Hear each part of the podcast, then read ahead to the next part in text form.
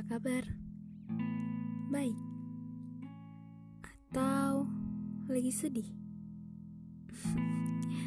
Nggak apa-apa kok, wajar. Tapi jangan lama-lama ya sedihnya. Oh iya, podcast-podcast yang aku buat nantinya tentang sudut pandang seseorang mengenai suatu hal. Bisa jadi sudut pandang itu dari kalian dari temen yang nantinya bakal aku jadiin teman podcast atau bisa jadi aku sendiri. Semoga kalian suka ya. Bye.